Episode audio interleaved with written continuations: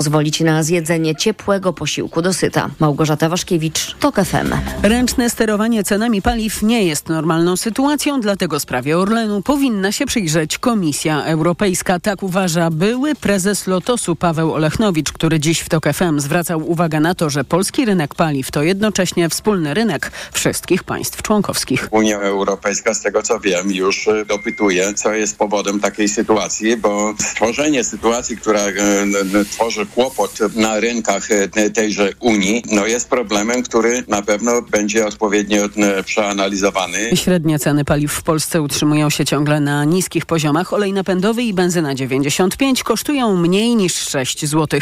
Dla porównania w Niemczech i Czechach ceny za litr są po przeliczeniu na naszą walutę w okolicach 7-8 zł.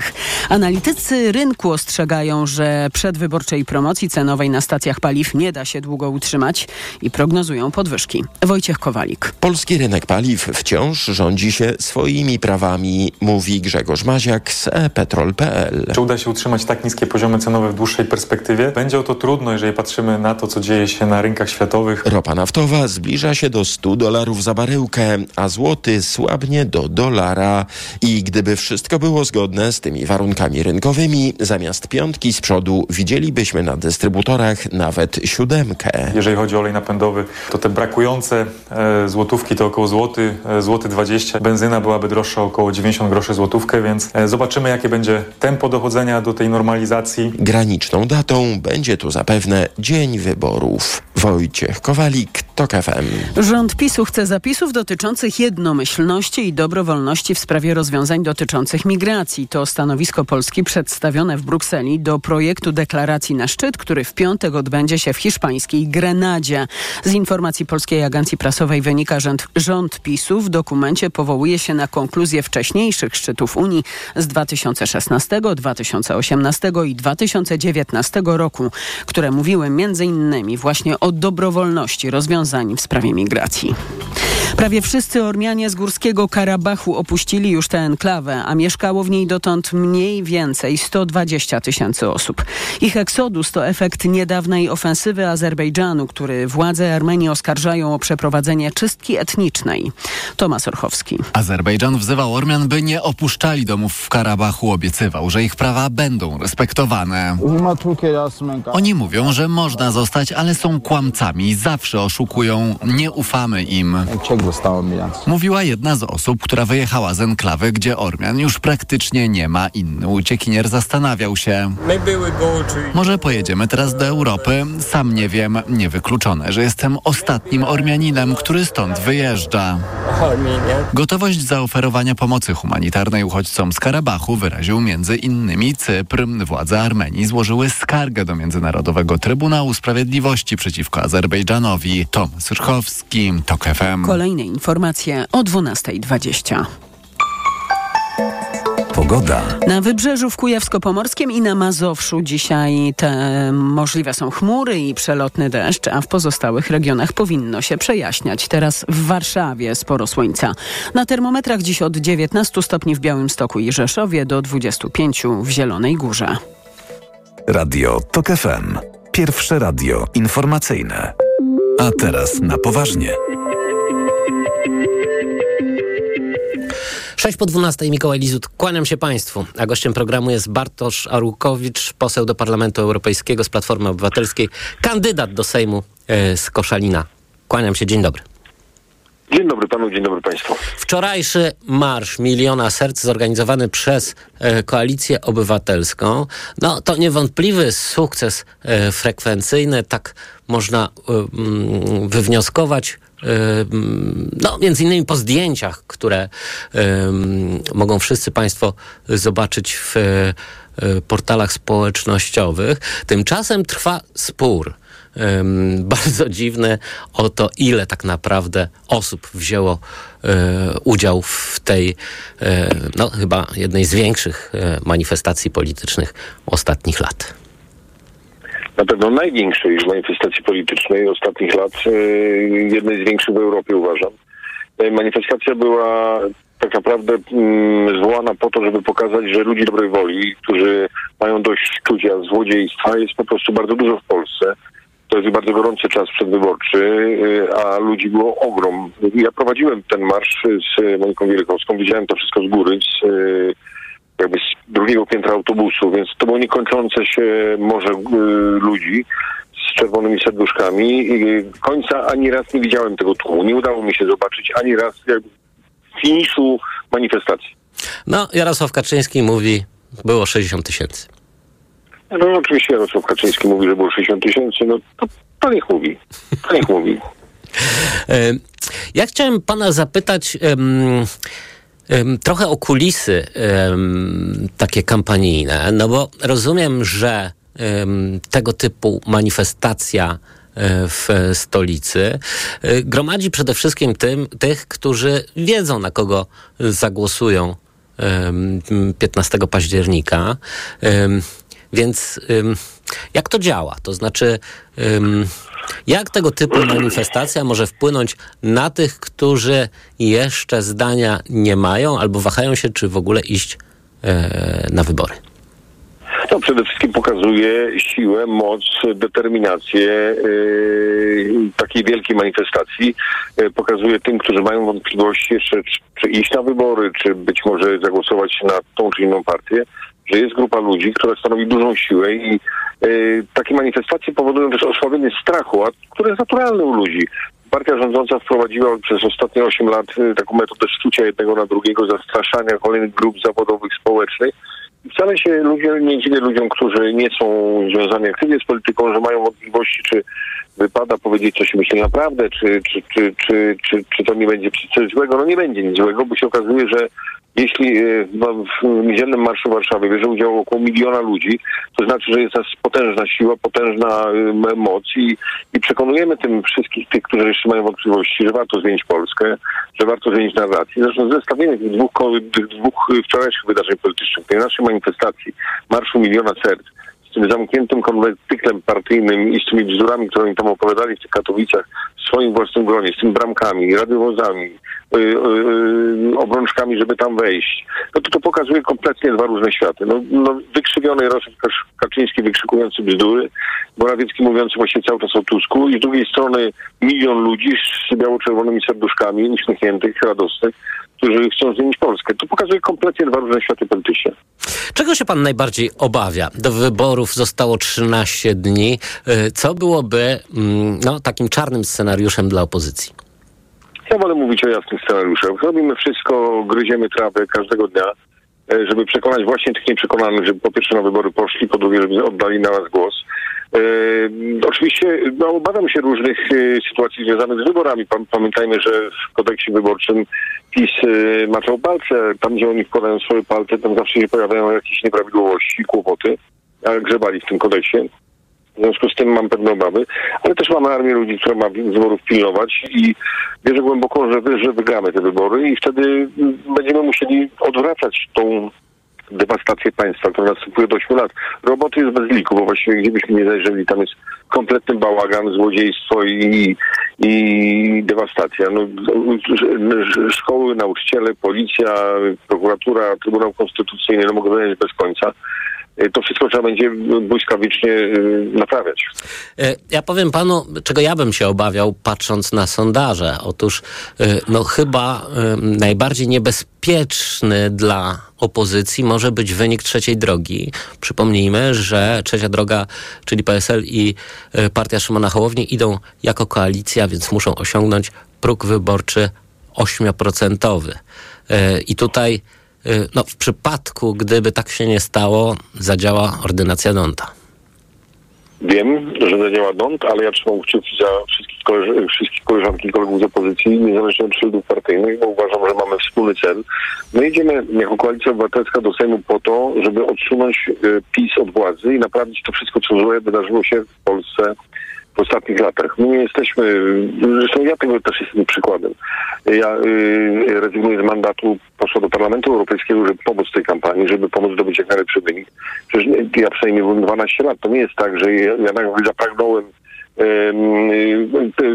porzucić Parlament Europejski, tylko mm, rozumiem wagę sytuacji, powagę momentu, w którym jesteśmy i też wagi decyzji ty, ty, tych wyborów. W związku z tym mam nadzieję, że, że, że wszystko się ułoży dobrze i koledzy z opozycji innych partii przekroczą odpowiednie progi i zdołamy razem y, y, naprawić Polskę.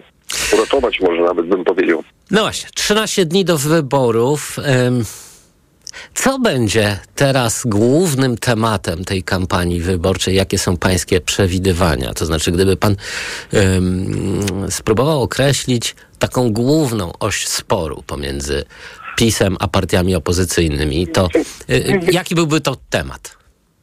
Ja mogę powiedzieć to, co słyszę na ulicy. Jestem od wielu tygodni cały czas na ulicy, na ulicach Koszalina, koło brzegu, Białogardu, Szczecinka, Wałcza, Małego Sianowa, Darłowa i innych miejscowości. I tam słyszę wciąż o tym, że ludzie mają dość rzeczy przyjemnych od drożyzny, mają dość tego codziennego, powszechnego kłamstwa. No nie mam choćby wczoraj ten przykład tego, jak oni tam opowiadali, że tam było 60 tysięcy ludzi. To znaczy oni kłamią wprost. Ludzie mają żadnego problemu z mówieniem nieprawdy wprost i patrzą, patrzą otwartymi oczami na, na, na, te, na te kłamstwa. No ludzie mają też dość szczucia. No i najważniejszy element, który się przejawia w, w, w każdej rozmowie, niezależnie od tego, czy rozmawiam z gospodynią domową w niewielkiej miejscowości, czy z dużym przedsiębiorcą z Koszalina czy koło brzegu, czy z kimś, kto handluje na giełdzie koszalińskiej, czymkolwiek, to wszyscy chcą wyciągnięcia konsekwencji wobec tych, którzy kradli. To jest jakiś podstawowy, najważniejszy warunek, czego ludzie oczekują. Mówią to każdego dnia, słyszę to po dziesiątki, setki razy. Mówią, że mają bardzo różne problemy, ale jeśli nie wyciągniemy konsekwencji, to, to oni nie potraktują tego dobrze i oczekują jasnego potraktowania wszystkich tych, którzy Polskę rozkradali w ostatnich latach i łamali prawo. To jest najważniejszy element, który się przejawia w każdej rozmowie. Jeżeli, mm, jak śledzi pan y, sondaże wyborcze, ciekaw jestem pańskiej tezy, dlaczego y, ostatnia afera, czyli afera wizowa, no to jest um, poważny chyba blamasz na obliczu rządzących, także w kontekście międzynarodowej. Dlaczego ta afera nie wpłynęła na wynik sondażowy PiSu? Już odpowiadam, tylko inaczej nazwę tę aferę, dlatego że ta afera jest największą aferą, jaka przed, y, dotknęła Polski w ciągu ostatnich kilkudziesięciu lat. Pan, Polska uchyliła drzwi świadomie, podają media, być może w jakimś systemie korupcyjnym, sprzedaży wiz do, do, do, do Unii Europejskiej. Nasi partnerzy w, w Parlamencie Europejskim, w Komisji Europejskiej no, są szokowani tą sytuacją, dlatego że z jednej strony usta pełne frazesów, straszenie ludzi migrantami. Przypomina pan sobie pewnie te obrzydliwe konferencje prasowe Kamińskiego, mówienie o pierwotniakach i innych strasznych rzeczach, o których nie będę mówił. A z drugiej strony handel polskimi wizami na jakichś yy, rynkach w dalekich krajach. To kompromituje polski rząd, kompromituje polską władzę. Zapytał pan, czemu to nie wpływa? W mojej ocenie wpływa yy, na ich poparcie. Yy, miałbym wątpliwości co do no, jakości sondaży przedstawiane szczególnie przez środowiska związane z PiSem, ale też y, wytłumaczy, dlaczego części ludzi to nie zniechęca. Dlatego, że oni mają y, dużą część jakby swojego poparcia zbudowaną na, na pewnej ideologii, która jest nieprawdziwa, na propagandzie, którą leje te, te TVP, TVPiS, bo inaczej nie można ich nazywać.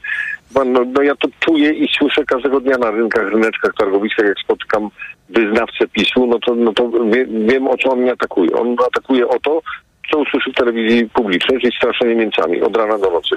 To jest tak absurdalne, że, że, że aż trudne do uwierzenia, ale niestety tak jest. No, ale działa. Wie pan, działa na niewielką część. Yy, na część oczywiście działa, ale na większość ludzi w mojej ocenie nie działa, bo jeśli ja miałbym przeprowadzić swój prywatny sondaż z moich wędrówek po ulicach, uliczkach yy, Koszalina, koło brzegu i tych wszystkich miasteczek, o których mówiłem, to ja, ja, spotykam oczywiście wyborców PiSu, ale jest ich naprawdę niewielu. Oceniłbym to na kilkanaście, może 20%. To i tak chyba zawyżam. Ale może, może to teren, może specyfika regionu, a może specyfika miejsc, w których ja bywam.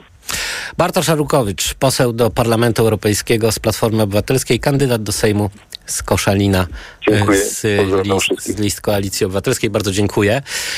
Dziękuję. Tę część programu przygotował Tomasz Kopka, realizował Szymon Baluta. Za chwilę informacje Radia Tok FM, a po nich zapraszam Państwa w imieniu własnym oraz Dominiki Wielowiejskiej na ostatni już odcinek naszego y, cyklu Wybory trzeciej RP. W tym odcinku my opowiemy Państwu o y, tym największym sporze dwóch głównych aktorów polskiej sceny politycznej, czyli o sporze między Donaldem Tuskiem a Jarosławem Kaczyńskim. Bądźcie Państwo z nami. A teraz na poważnie. Reklama. RTV Euro AGD. Tylko do jutra w euro. Wielorabaty. Piąty produkt aż 99% taniej. Promocja na całe duże i wybrane małe AGD. Szczegóły i regulamin w sklepach euro i na euro.com.pl Aniu, boli mnie gardło. Czy możesz wziąć za mnie zastępstwo w piątej A? Oczywiście, Ewa. A ty na zapalenie gardła weź pastylki do ssania Septinum Silver. Wyrób medyczny Septinum Silver dzięki zawartości nanosrebra wspomaga leczenie infekcji bakteryjnych i wirusowych gardła. Łagodzi ból, chroni i nawilża gardło. Septinum Silver. Pierwsza pomoc przy bólu gardła. Dostępny także w sprayu. Producent oraz podmiot prowadzący reklamę Zdrowit. To jest wyrób medyczny. Używaj go zgodnie z instrukcją używania lub etykietą. Wyrusz w niezapomnianą podróż do Azji, Australii i Nowej Zelandii na pokładach pięciogwiazdkowej linii Singapore Airlines. Lot do wymarzonego miejsca rozpocznij z Warszawy, Krakowa, Wrocławia, Gdańska, Poznania oraz Katowic. Przeżyj niezwykłe chwile, rozkoszując się komfortem klas premium economy, biznes lub pierwszej. Oferty naszych lotów znajdziesz na www.singaporeair.com. Singapore Airlines. A great way to fly. Wyobraziłaś już sobie idealne mieszkanie? Jeszcze nie. Jest tak wiele czynników. Na szczęście ktoś uwzględnił je wszystkie za nas. Naprawdę? Kto? Skanska. Od lat tworzy niepowtarzalne osiedla, a teraz oferuje mieszkania z systemem automatyki Smart Home w standardzie. Dzięki temu przy pomocy smartfona można kontrolować zużycie energii elektrycznej i ogrzewanie i oszczędzać na rachunkach. Są takie mieszkania? Przekonaj się. Szczegóły na stronie mieszkaj.skanska.pl Skanska. Tworzymy przestrzeń, którą nazwiesz domem. W najnowszym Forbesie lista 30 przed 30. Poznaj najbardziej utalentowanych młodych Polaków, którzy podbijają świat, a także zestawienie najlepszych polskich deweloperów tego roku. Kup Forbes lub wejdź na forbes.pl. Kochanie, coś mnie bierze. Czy mamy witaminę C? Ale tę naturalną, grinowite acerole. Mamo, jest acerola? Często słyszę te pytania, bo moja rodzina uwielbia tabletki do ssania Greenowita Acerola. Dlaczego? To suplement diety z witaminą C w 100% naturalną. Zawiera ekstrakt z aceroli, który wspiera odporność mojej rodziny. Dodatkowo nie zawiera cukru i jest przypyszna. Greenowita Acerola. Odporność z natury. Zdrowit. Allegro Days aż do niedzieli mają. Promocje do minus 40%, w tym mokra karma dla kota Felix Mix Smaków 96 saszetek za 136,19. Najniższa cena oferty z 30 dni przed obniżką 217,98. Allegro. Reklama. Radio TOK FM. Pierwsze radio informacyjne. Informacje TOK FM. 12.20. Piotr Jaśkowiak, zapraszam. Nagroda Nobla z Medycyny za odkrycia, które pozwoliły stworzyć szczepionkę na COVID-19. Katalin Riko z Węgier i Drew Weissman ze Stanów Zjednoczonych opracowali metodę wprowadzania zmian w mRNA, czyli materiale genetycznym, który umieszcza się w szczepionce, by wzbudziła reakcję systemu odpornościowego. Dzięki temu da się opracować szczepionkę na wirusa, nie pracując z samym wirusem, a tylko z jego kodem genetycznym, co ułatwia sprawę. Laureaci podzielą się porówno nagrodą w wysokości 11 milionów koron szwedzkich, czyli mniej więcej 4,5 miliona złotych. Ukraiński wywiad twierdzi, że atak na rosyjską fabrykę zbrojeniową w Smoleńsku był skuteczny. Trzy z czterech dronów trafiły w cel. Zakłady produkują pociski dalekiego zasięgu, których rosyjska armia używa do bombardowania Ukrainy. Ostatnio coraz częściej dochodzi do ataków z powietrza na cele położone w Rosji, znajdujące się nawet o kilkaset kilometrów od granicy. Po wieloletnich opóźnieniach w Indonezji udało się oddać do użytku pierwszą linię kolei dużych prędkości, zbudowaną we współpracy z Chinami. Pociąg Łusz może pomieścić 600 pasażerów i osiąga maksymalną prędkość 350 km na godzinę. Pozwoli skrócić czas przejazdu pomiędzy stołeczną Dżakartą a oddalonym o ponad 140 km miastem Bandung z 3 godzin do 45 minut. Nowa linia jest częścią chińskiego przedsięwzięcia znanego jako pas i szlak, czyli zakrojonej na szeroką skalę budowy połączeń z krajami leżącymi na zachód i na południe od Chin. W informacjach TOK FM jeszcze o uciekającej parze młodej. Włoscy karabinierzy szukają świeżo upieczonych małżonków, którzy zniknęli po swoim weselu, nie płacąc w restauracji rachunku, opiewającego na 8 tysięcy euro. Śledczy ustalili, że Włoch i Polka polecieli do Niemiec. Możliwe, że stamtąd pojadą do Polski. Za przyjęcie mieli zapłacić po weselu. Właściciel lokalu czekał cały dzień. Dzwonił bezskutecznie, a gdy pojechał do domu pary, był zamknięty. Sąsiedzi nie widzieli małżonków od dnia ślubu. Kolejne wydanie informacji to FM o 13, a za chwilę ostatni odcinek cyklu Wybory trzeciej RP. Zapraszam w imieniu Mikołaja Lizuta i Dominiki Wielowiejskiej. Pogoda. 19 stopni Celsjusza dziś w Rzeszowie, Gdańsku i Białymstoku, 20 w Kielcach i Lublinie, w Krakowie i Warszawie 21 stopni, w Łodzi i Katowicach 22, w Poznaniu 23, we Wrocławiu 24, a w Zielonej Górze 25. Pochmurno, ale padać ma tylko na północy. Radio TOK FM. Pierwsze radio informacyjne. Wybory trzeciej RP. Mikołaj Lizut. Dominika Wielowiejska. Witamy Państwa bardzo serdecznie w wyborach trzeciej RP, y, czyli programie, w którym pokazujemy kontekst historyczny dzisiejszych politycznych sporów. Bądźcie Państwo z nami. Wybory trzeciej RP.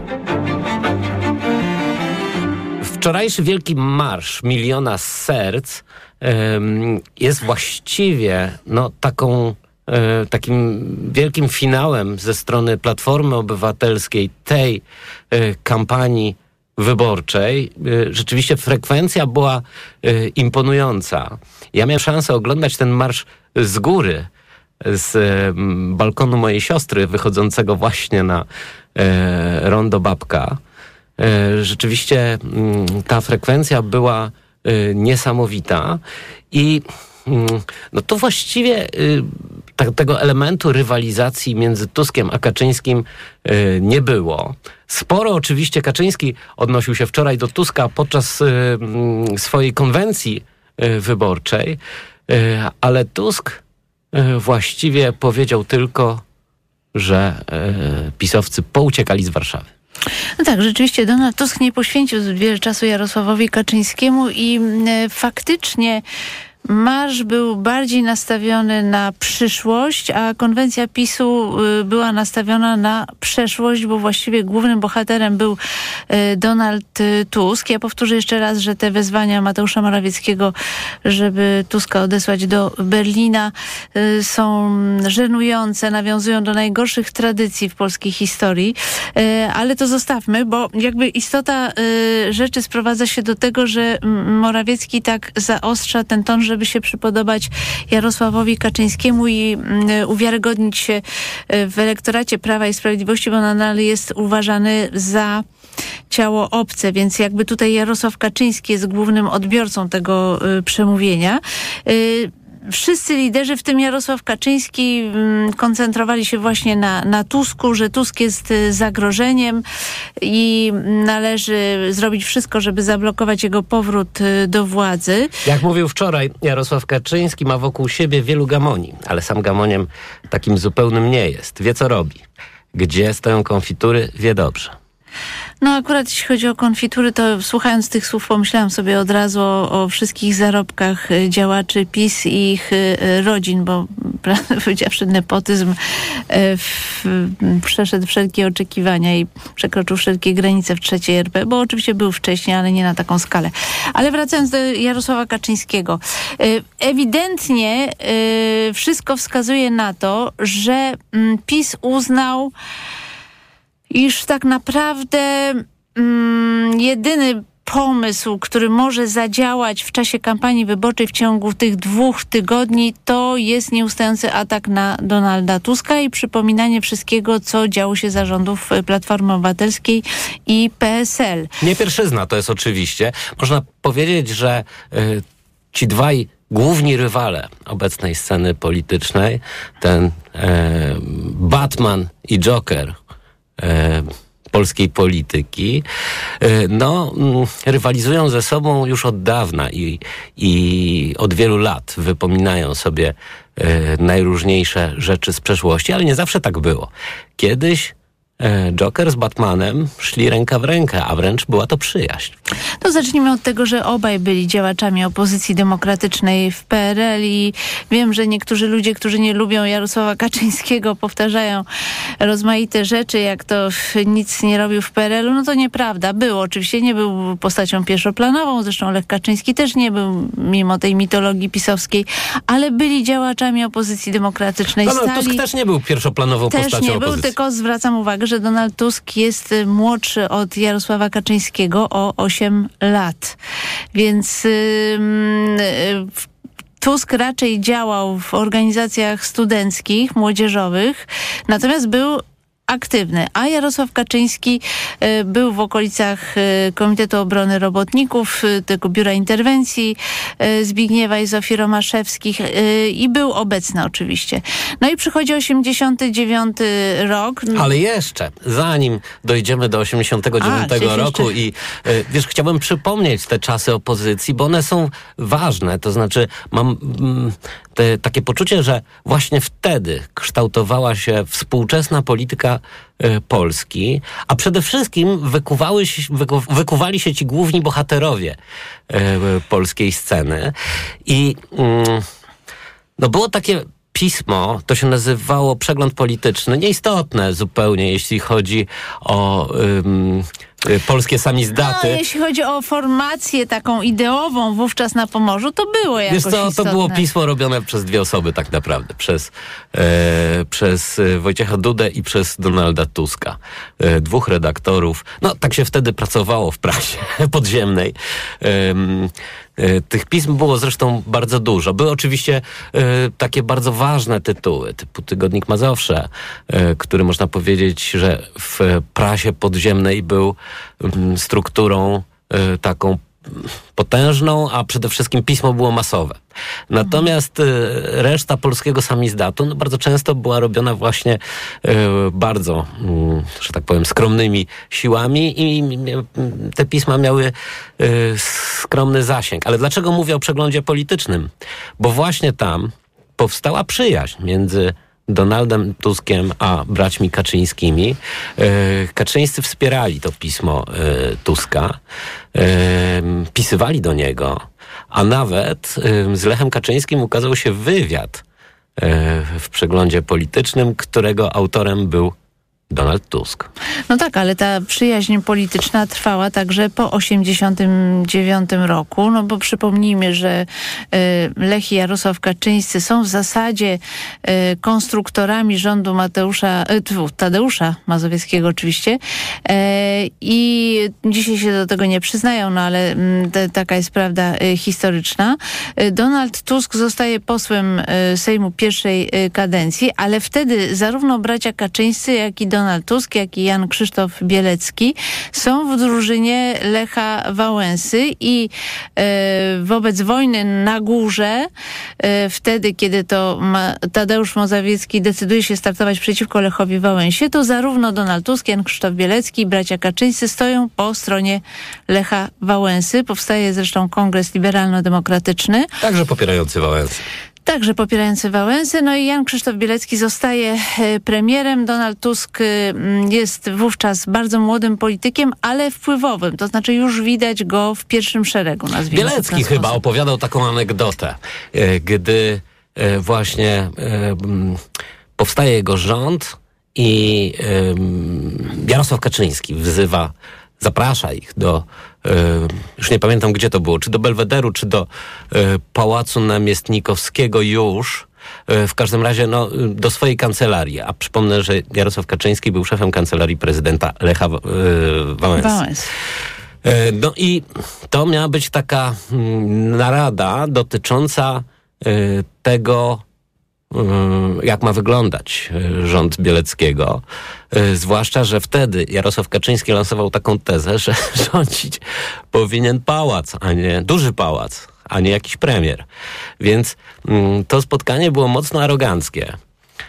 No, mówiące o tym, że albo się podporządkujecie, albo kończymy te rozmowy. I właściwie no, wobec Mm, tej arogancji rozmowy się skończyły niemal natychmiast, tylko Jan Krzysztof Bielecki postanowił do końca zjeść herbatniki, które leżały na stole. na stole. Więc w kompletnej ciszy mniej więcej przez pół godziny Tusk i, i, i Bielecki chrupali herbatniki, a ale, a, a Jarosław Kaczyński nie wiedział właściwie, jak ich stamtąd wyrzucić. Y, Jeszcze a propos herbatników, to przypominam sobie inne negocjacje, ale przyznam bez bicia, że nie pamiętam dokładnie, w którym momencie one się toczyły, ale też po jednej stronie stołu siedzieli przedstawiciele Kongresu Liberalno-Demokratycznego, a po drugiej stronie przedstawiciele Porozumienia Centrum, czyli pierwszej partii Jarosława Kaczyńskiego i Lecha Kaczyńskiego i mieli coś uzgodnić, ale w którymś momencie y, za oknem y, dało się słyszeć y, kwakanie kaczki. I nastąpiła martwa cisza. Yy, I jak opowiadają y, osoby, które brały udział w tym spotkaniu, mm, zdaje się, że Jarosław Kaczyński uznał, że złośliwie sprowadzono kaczki pod okno, żeby wydawały te y, odgłosy i że to było y, obraźliwe z tego punktu widzenia. No ale być może po prostu atmosfera tego spotkania i tak była zła. Wybory trzeciej RP.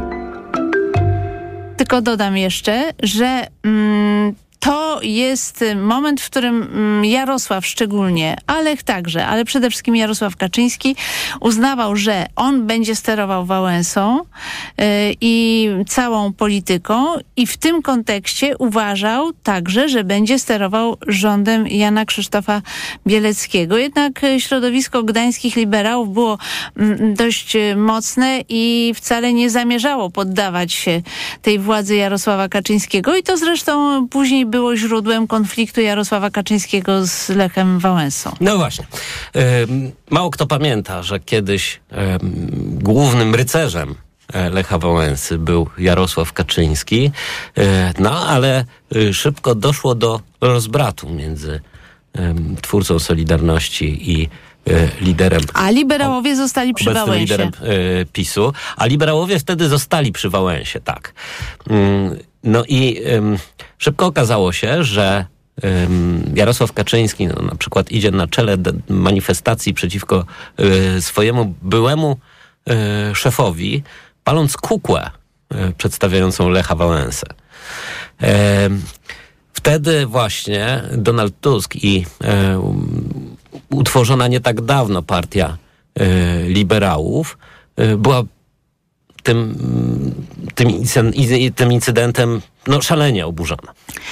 Tutaj istotne jest y, to, że mm, liberałowie nadal y, jakoś mentalnie bliżej są środowiskom prawicowym niż y, powiedzmy środowiskom Unii Demokratycznej czy y, Roadowi, ale y, te drogi mm, Donalda Tuska i Jarosława Kaczyńskiego ewidentnie się powoli rozchodzą, dlatego że gdy powstał rząd Jana Olszewskiego, to jednak ostatecznie liberałowie tego rządu nie, nie poparli.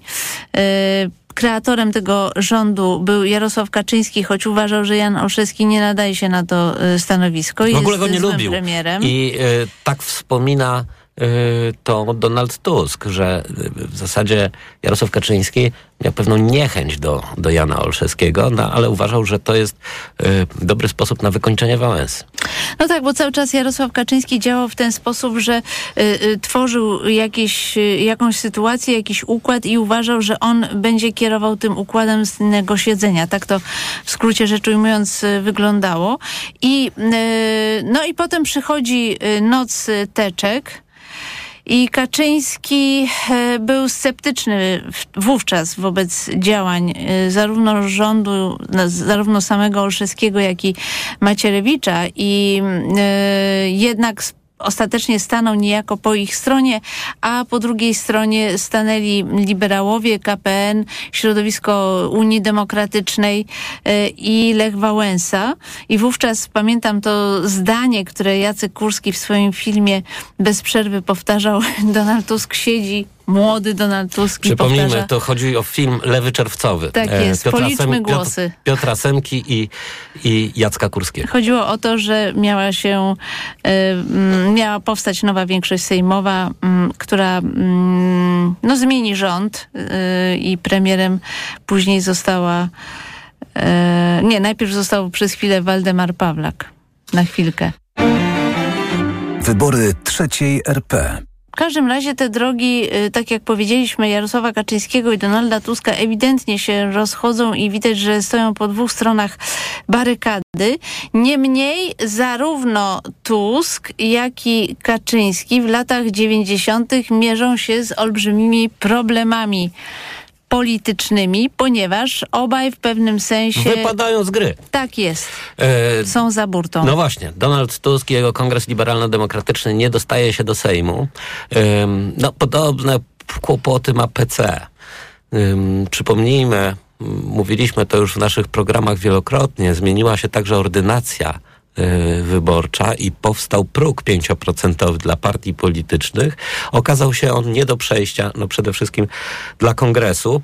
Mm, Ale przypomnijmy, że w kwietniu 94 roku y, Tusk zostaje jednym z wiceprzewodniczących Unii Wolności. Tak, ale y, zatrzymajmy się na chwilkę, bo znowuż chciałam przytoczyć pewną anegdotę, a mianowicie, y, bo jest jakaś taka mm, wspólna więź między Kaczyńskim a Tuskiem, bo pamiętam, że po tych przegranych wyborach Donald Tusk u architektów, nie ma już tej knajpy na Koszykowej, ale Knajpa była jest, kiedyś. ale nazywa się inaczej chyba, Tak. tak. To się nazywało Piwnica Architektów. Był potwornie rozgoryczony i mówił do ludzi, którzy byli tam zgromadzeni. Akurat tak się zdarzyło, że tam byłam. Mówił, my już tu nigdy nie wrócimy. Jedziemy do Gdańska i tu nie wrócimy. I tak mówił to takim tonem potwornie rozgoryczonym. A dlaczego mówię, że to jest swego rodzaju e, analogia także do tego, co wówczas mówił Jarosław Kaczyński, bo właśnie w latach 90. prawica była potwornie podzielona, skłócona. Oni dzielili te partie kanapowe jeszcze na pół, nie mogli w żaden sposób się zjednoczyć. E, I wtedy Jarosław